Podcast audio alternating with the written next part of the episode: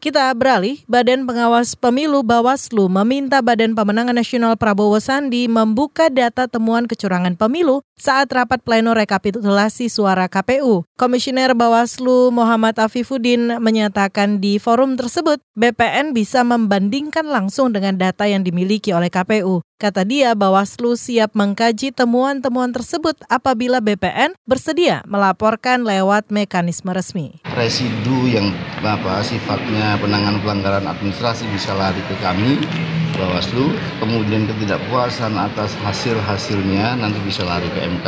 Demikian undang-undang mengatur tentang keberatan jika proses yang sudah kita jalan bersama ini masih dirasa tidak memuaskan para pihak. Jadi jalurnya sudah diatur kapan dan di mana melakukan keberatan, melakukan laporan. Komisioner Bawaslu Muhammad Afifuddin mengimbau kubu Prabowo Sandi menunggu hasil rekapitulasi suara nasional yang tengah berlangsung di KPU. Jika tidak puas dengan hasilnya, BPN bisa mengajukan gugatan sengketa pemilu ke Mahkamah Konstitusi.